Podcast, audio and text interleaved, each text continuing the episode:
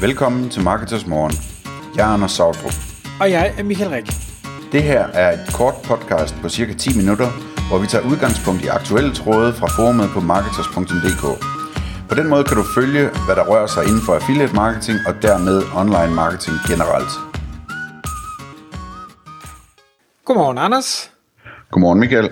Så er det blevet podcast-tid, og i dag der har vi en titel på podcastet, som hedder Ting jeg ville lære online, hvis jeg ikke havde et speciale. Og det er en titel, du har fundet på, Anders, så kunne du ikke prøve at fortælle os, hvad, hvad ligger der til grund for det? Hvad er det, vi skal tale om i dag?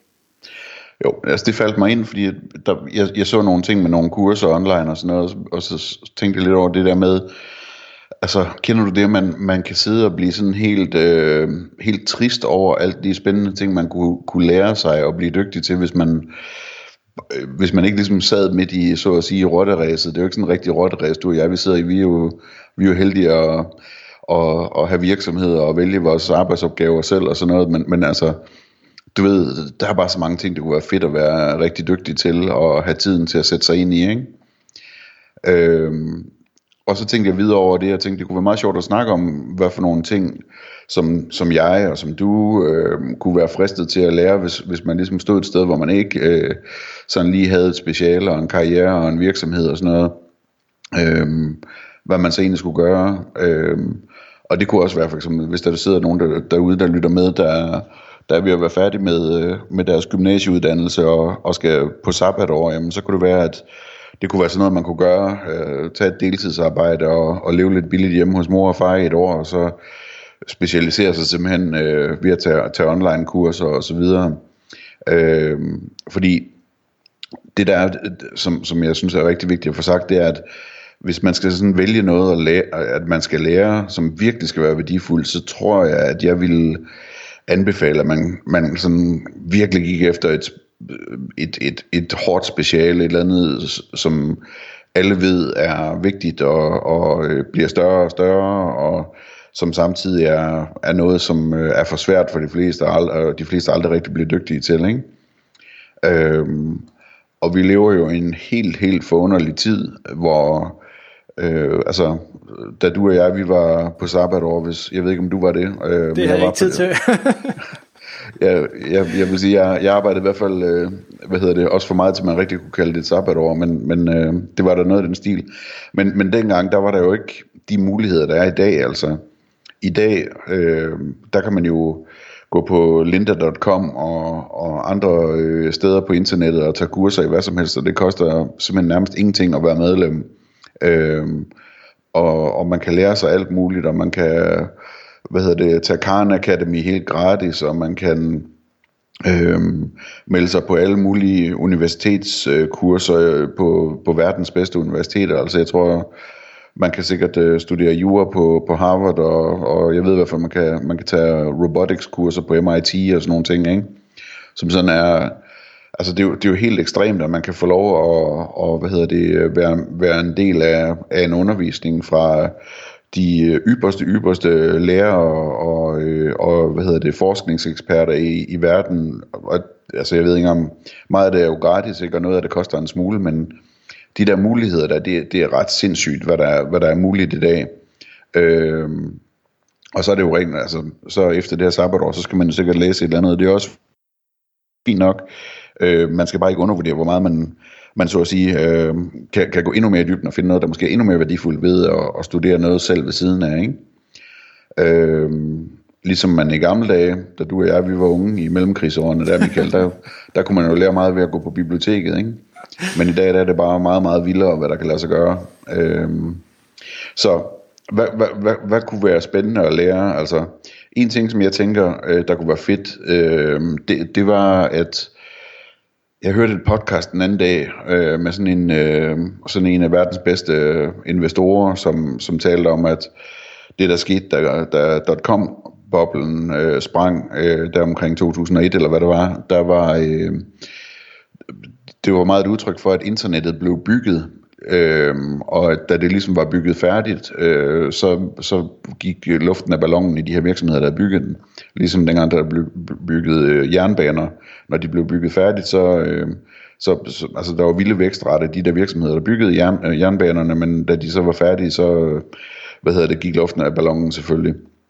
Øhm, og, og der kan man sige, det, det kan være det samme. Nu han talt om, at, at det er sådan noget som, øh, som hvad hedder det, digitaliseringsvirksomheder, SaaS-virksomheder og sådan noget. Øh, men det behøver vi ikke komme ind på. Men jeg tænkte bare, sådan, hvad er det næste, der skal bygges, ikke? Og det, der kunne et godt bud jo være, at, at der skal bygges en masse applikationer øh, på blockchain, altså øh, sådan noget kryptoagtigt noget, ikke? Øh, der skal bygges en masse øh, DeFi og alt muligt andet. Øh, og, og der kunne det være rigtig interessant at, at lære sig selv at, at kode i de her programmeringssprog, som, som man bruger for at, for at lave applikationer i, i blockchain. Øhm, og, og, og det er der helt sikkert uendelig meget uddannelsesmateriale om.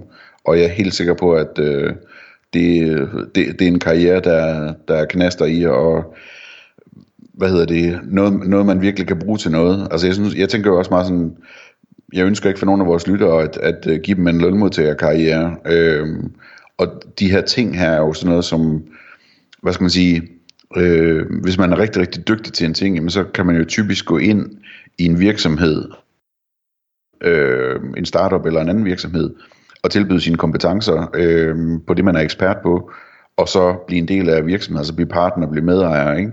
Øh, på den ene eller den anden måde. Så man ligesom, det, det kan være en genvej til at, at komme ind i noget godt og være en del af det. Øh, og det synes jeg er rigtig spændende. En anden ting, som, som øh, er sådan meget mere nede på jorden, men som øh, også alt for få er dygtige til, men det kunne være sådan noget som at sætte sig ned og lære at programmere PHP og, og bruge databaser. Øhm, altså det, det, det, det vil være uendeligt værdifuldt, og måske specielt, hvis man er dygtig til andre ting også. Sådan så man ikke bare er en programmør, der kan, der kan følge en kravspæk, men man er en, der kan bygge noget, fordi man kan få idéer, eller man kan, man kan få tingene til at virke. Og hvis man er mere sådan til, til hvad hedder det, øh, design og sådan noget, så kunne man jo i stedet for studere design og, og samtidig studere CSS, øh, altså hvordan man får øh, tingene til at se ordentligt ud på en hjemmeside, det der er blevet designet. Det kunne der også være meget værdi i. Øh, jeg har også tænkt på sådan noget som hvad nu han hedder, ham som, øh, ham som øh, arbejder halvdelen af året øh, som sådan en øh, ekspertkonsulent på Rasmus, Microsofts... Øh, øh, Lindgren. Ja, altså hvor han, han har specialiseret sig i at, at være konsulent i de der øh, dyre Microsoft Enterprise øh, software løsninger. Og så tager han til, øh, sikkert til Ejby Industrivej eller et eller andet arbejder for de store teleselskaber eller de store banker, eller hvad ved jeg, et, et halvt års tid som konsulent, og så tager han den, det andet halvår i, øh, i Thailand, eller hvor han nu bor, øh, og tjener kassen på det, altså, øh, fordi han har specialiseret sig i noget, som på overfladen virker som om det er så svært, så de fleste ikke kan finde ud af det, og som de her kæmpe virksomheder vil betale hvad som helst i timen for at få kompetent hjælp til. Øh, det synes jeg er også spændende. Og så er der en, en sidste idé her fra mig, øh, som er hele det her, altså e-commerce, sådan som det eksploderer og kommer til at blive ved med at eksplodere, øh, så har jeg sådan en fornemmelse af, at det kunne være rigtig, rigtig spændende at blive specialist i sådan noget med lagerstyring og robotlager og sådan noget. Jeg, øh, jeg vil næsten ved hvad som helst på, at, øh, at det er en kæmpe mangelvare og bliver en meget større mangelvare. Og efterhånden som robotterne overtager, så er det altså lige de der folk, der kan finde ud af at, at sætte sådan noget i system og få det til at virke, som, øh, som bliver guld værd. Så det, det, det er sådan nogle øh, idéer, men man kan også gå i alle mulige andre, andre retninger, alt efter hvad man interesserer sig for osv., men, men øh, det, det er en spændende tanke om, man ligesom kunne øh, tage et, et kvantespring øh, karrieremæssigt, forretningsmæssigt ved at, at blive rigtig specialist i et eller andet. Hvad med dig, Michael? Hvad kan du, øh, hvad kan du tænke dig at grave dig Jamen, ned i? og jeg synes, det er svært, for at ligesom dig, så vil jeg gerne grave mig ned i alt for mange ting.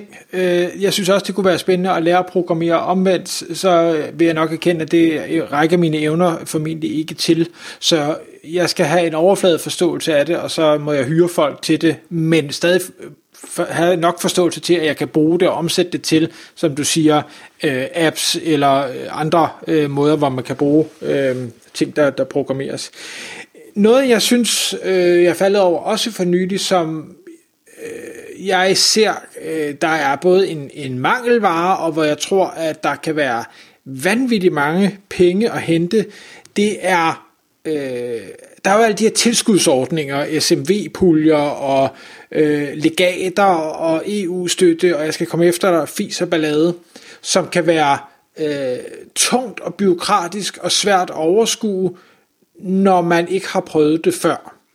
Det er lidt ligesom, nu har vi de der flyhjælper og airhelper, hvad de hedder, som, jamen hvis du, øh, hvad hedder det, har en, en øh, penge til gode hos et flyselskab, fordi de har aflyst eller rykket din afrejse, eller hvad sådan det nu kan være, det kan være virkelig tungt og irriterende at skulle igennem, og derfor har de øh, lavet en tjeneste, hvor du siger, jamen gør det for mig, og så får I et eller andet af øh, den sum, som flyselskabet nu øh, skylder mig.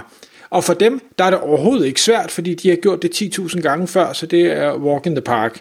Og der tænker jeg, det er det samme med at søge penge. Der er jo folk, der specialiserer sig i at søge EU-legater, eller SMV-puljepenge, eller alt muligt andet. Og jeg er ikke sikker på, at jeg vil måske synes, det var super fedt at gå på arbejde hver dag, fordi det er tungt og jura og ting og sager. Omvendt så vil jeg nok meget hurtigt sige, hvordan kan jeg systematisere det her, og måske endda øh, lave en proces, øh, kunne få andre til at udføre det øh, for mig, og så bare sidde og skumme fløden. Så hver gang, at jeg øh, sørger for, at der er nogen, der får et legat eller et eller andet, så tager jeg 10% af det, øh, og så var det ligesom forretningsmodellen. Det vil give værdi for øh, kunden, øh, og det vil give værdi for øh, mig og, og min virksomhed. Så det, det synes jeg kunne være spændende, og den tror jeg ikke på kommer til at stoppe øh, anytime soon, altså at der er penge derude, der kan søges, og øh, sponsorater og den slags.